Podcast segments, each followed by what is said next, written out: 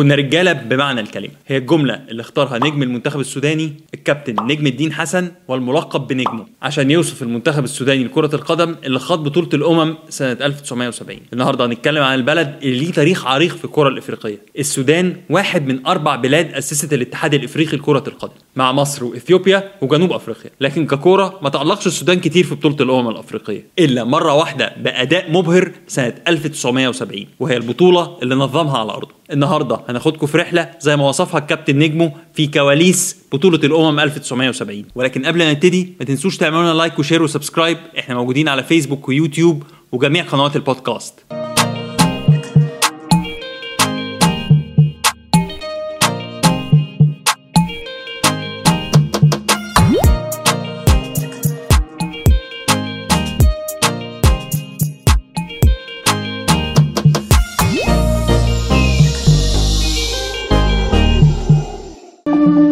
إزيكم؟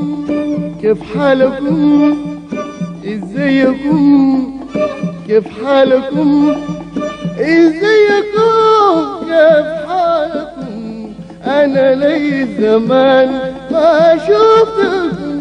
بيقول نجمه إن قبل البطولة لعيبة السودان كانت حاسة بخوف وده شيء طبيعي. وكان الفوز بالبطولة مش بس حلم ولكن إصرار وإرادة وتحدي. وهو ده اللي هو حسه من خلال كلامه مع اللعيبة. وعلى غير المعمول بيه دلوقتي فما كانش فيه أي معسكرات خارجية. المنتخب السوداني عمل معسكر بسيط داخل مدرسه وقبل البطولة ب 15 يوم بس نقلوا المعسكر للكلية الحربية. وده بطلب من رئيس الجمهورية نفسه جعفر النميري اللي كان عايز المنتخب يعمل حاجة في البطولة دي. واضح من كلام نجمه إن الكل كان متحفز والروح الوطنية كانت في السماء وانطلقت البطولة اللي كانت عبارة عن مجموعتين. السودان يقع في مجموعة صعبة مع الكاميرون والكوت ديفوار وإثيوبيا. المجموعة الثانية مصر وغانا وغينيا والكونغو. رفاق نجمه ما كدبوش خبر ويدوا إثيوبيا ثلاث تجوان مع الرأفة. أحرزهم جاجارين وحسبوا الصغير وجاكسا. لحيكم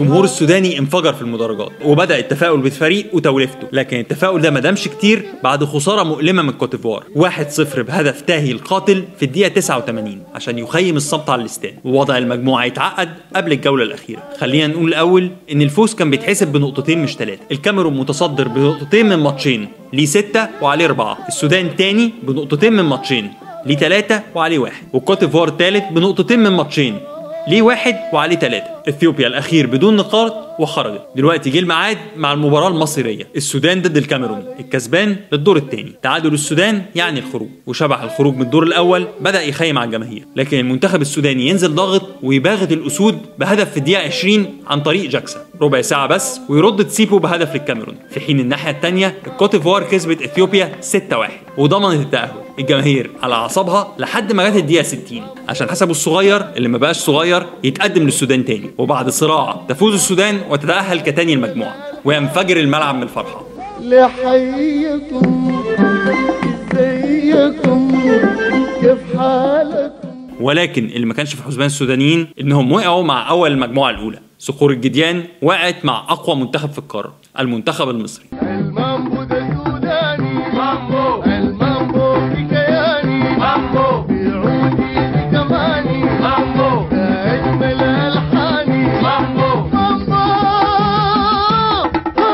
14 فبراير 1970 الجماهير السودانية بتملى الملعب البلدي في الخرطوم. في حين ال semi-final الأول انتهى بفوز غانا على الكوت ديفوار ويبدأ التسخين للمباراة المهمة. السودان ضد مصر أو الجمهورية العربية المتحدة وقتها.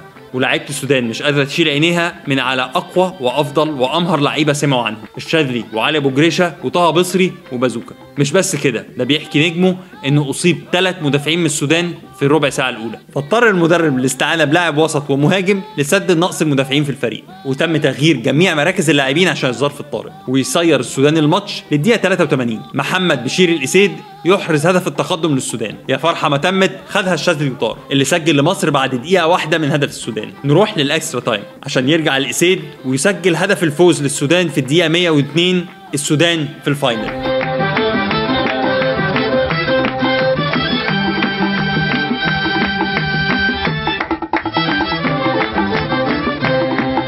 السودان في مواجهة غانا. بعبع الستينات اللي لعبت ثلاث نهائيات 63 65 و68 ودلوقتي في نهائي 70 لكن السودان مشى الماتش زي ما هو عايز مع جيل غاني قوي. ولكن كان في آخر أيامه قدام لعيبة شباب ومتحمسين وكسب السودان 1-0 عشان يحرز البطولة الأولى والأخيرة في تاريخه. وللأسف ملهاش أي فيديوهات ولا أي تسجيلات حسب علمنا. عشان كده الصورة دي هتفضل خالدة لأنها الصورة الوحيدة اللي باقية من بطولة كاملة. نشوفكم في حلقة جاية وبرنامجكم كورة شراب.